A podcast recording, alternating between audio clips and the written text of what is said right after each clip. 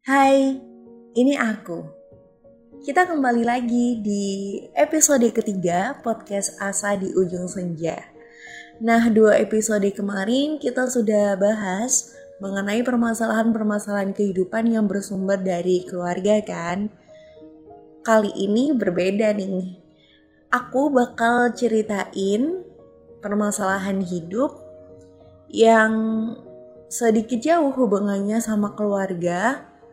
Maksudnya bukan berasal dari keluarga gitu ya teman-teman.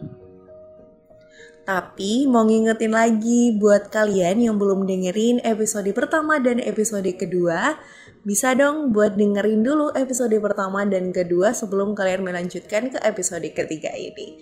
Karena ceritanya sedikit berbeda, bukan sedikit ya, tapi benar-benar berbeda dan setiap cerita yang aku bicarakan ke kalian melalui podcast ini pastinya punya pesannya masing-masing dan inspirasinya masing-masing. Oh ya, yeah, anyway, kalau kalian ngerasa podcast ini bermanfaat, kalian bisa membagikan ke orang-orang terdekatnya kalian, teman kalian, sahabat kalian, atau mungkin keluarganya kalian untuk bisa menjadi sebuah inspirasi kehidupan juga. So, tanpa berlama-lama, aku akan menceritakan salah satu kisah kehidupan juga yang seperti aku bilang tadi, ini permasalahan yang sebenarnya cukup sulit juga yang aku dapetin. Cuman gak dari keluarga. Kepo kan ya? Oke oke. Okay, Um, cerita ini diawali dari masa pandemi. Yap, gak jauh dari dua tahun lalu sih. Kalau cerita yang kemarin-kemarin kan dari yang durasinya sangat lama gitu. Tapi kalau sekarang gak terlalu lama dari masa pandemi bisa dibilang itu semua orang juga ngerasain peralihan ya termasuk aku gitu aku juga ngerasa perlu banyak sekali untuk adaptasi dengan keadaan yang baru, keadaan yang memang membatasi, keadaan yang memang tidak sebebas saat sebelum pandemi gitu kan. Oke, okay, um, aku udah mampu buat sedikit beradaptasi dengan hal itu. Tapi ternyata pandemi ini memberikan dampak yang banyak sekali apalagi pas waktu awal-awal gitu kan. Udah akunya lumayan stres karena banyak sekali yang harus aku perbarui dari kehidupanku yang awalnya aku suka di luar rumah. Um, kegiatan ini itu akhirnya harus berdiam diri di rumah dan lain sebagainya. Jarang berinteraksi dengan orang-orang selain keluargaku gitu. Tapi untungnya keluarga gue termasuk keluarga yang harmonis. Maksudnya hampir nggak ada masalah juga dalam keluarga. Jadi aku masih bisa ngerasain yang namanya kasih sayang kebahagiaan dari dalam keluarga aku. Tapi sayang sekali um, karena pandemi ini juga menjadikan keluargaku sedikit adalah ada masalah di ekonomi. Tapi bukan masalah yang berat banget sih. Kita masih mampu makan selayaknya orang aja gitu Anyway, karena aku sudah ngerasain beberapa perbedaan, ternyata buruknya aku kedapati pelecehan seksual via online. Kaget kan ya kalian?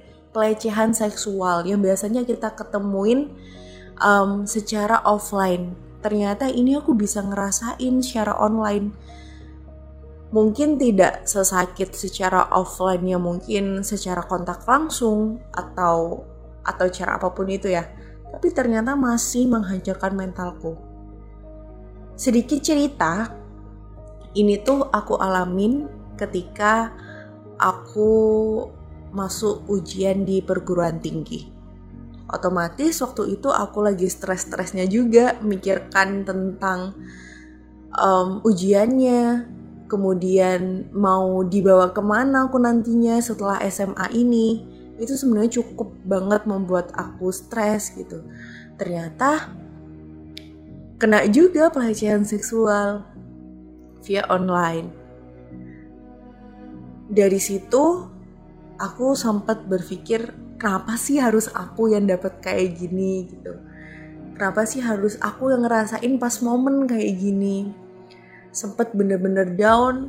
Selama dua hari dua malam gak keluar kamar gak makan dan cuma nangis di kamar kayak nangis sampai ketiduran kayak gitu loh. Nangis sampai ketiduran terus bangun-bangun kayak inget lagi nangis lagi kayak gitu dan ya nggak makan nggak mau apain gitu kan. Sampai akhirnya mama papaku yang datengin terus kayak ngomong um, ini tuh bukan akhir dari perjalanan hidup kamu. Kamu itu masih punya mimpi banyak kayak gitu. Finally akhirnya aku dibawa ke dinas perlindungan anak pemberdayaan perempuan dan perlindungan anak di kotaku gitu.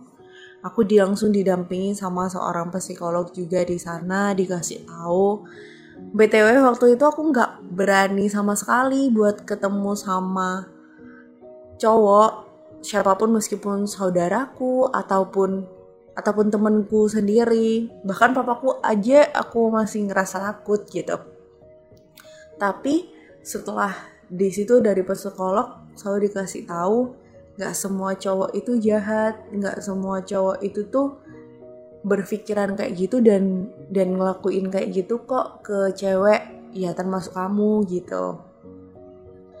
Nah setelah dikasih tahu seperti itu meskipun masih sulit bagi aku yang memang punya trauma tersendiri ini um, memutus tapi akhirnya aku memutuskan nih buat ayo kembali lagi buat ngerangkai mimpi-mimpi yang sebelumnya yang sebelumnya memang tertunda gitu kan.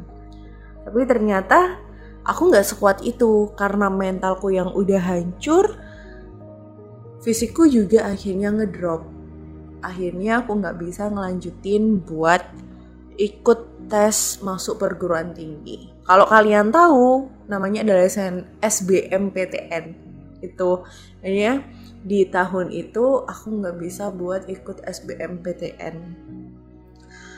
BTW, aku mau cerita sedikit nih ya.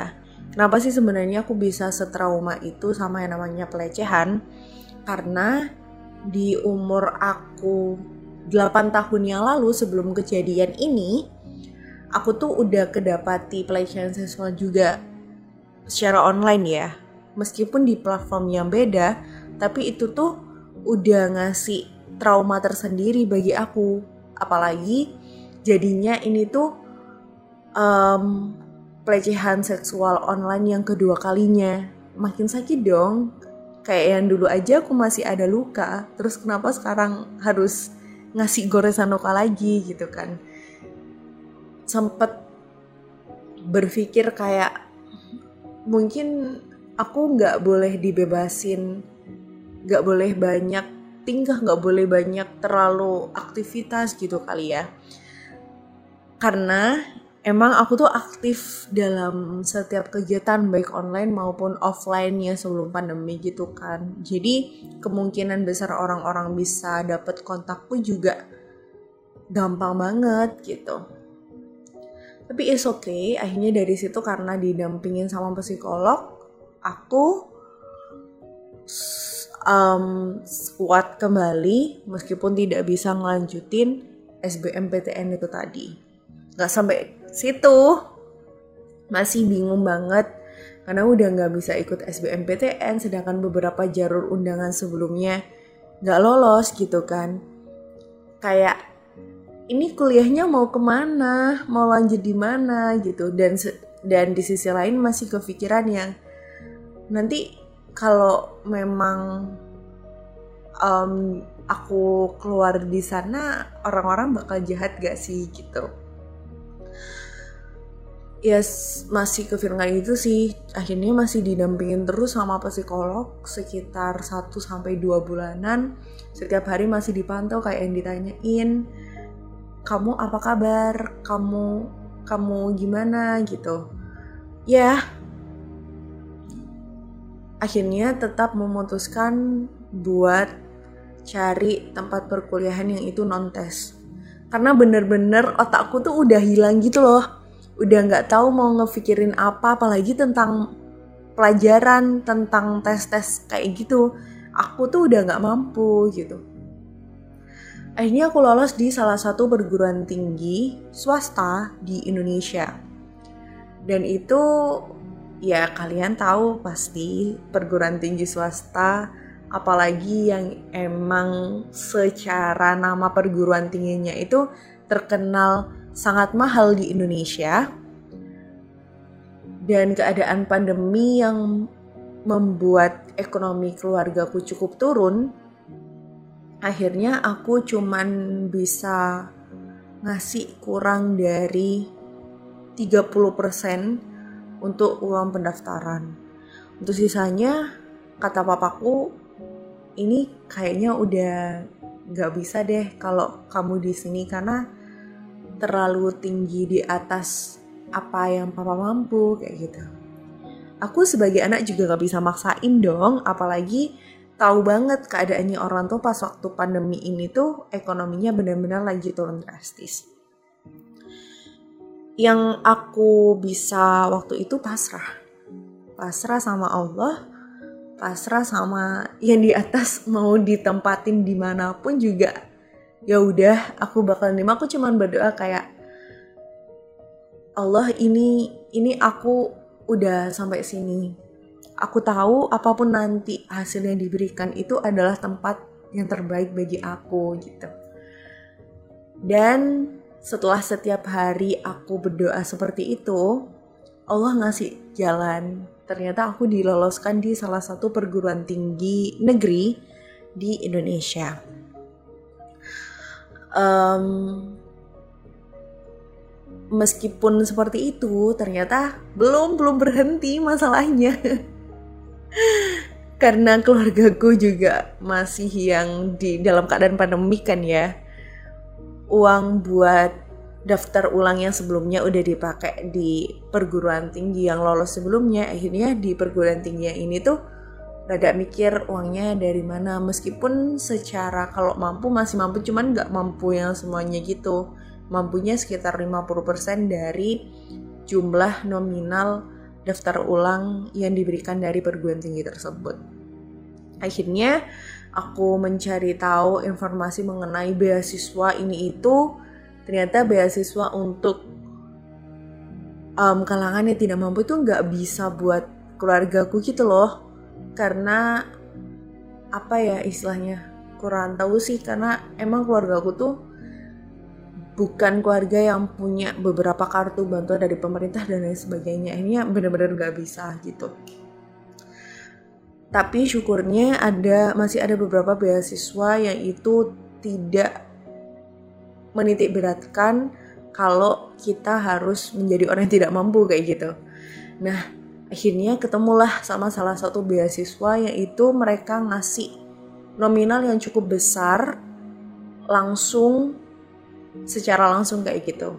Dan alhamdulillahnya aku lolos. Dari situlah kayak oh bener-bener ini tuh jalannya dari Allah buat aku gitu buat aku lanjutin ke jenjang selanjutnya meskipun sebenarnya rada pesimis sempet aku juga ngomong ke orang tuaku kayak Mapa ini kayaknya aku harus berhenti setahun dulu deh.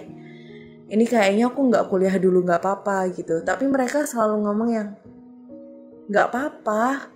Uang itu bisa dicari kok. Kalau kamu mau berusaha Allah itu ngebukakan jalan itu pasti ada. Jalan itu nggak cuma satu tapi beberapa cabang yang kamu pun nggak tahu. Setidaknya kamu sekarang berusaha dulu. Dan ternyata bener.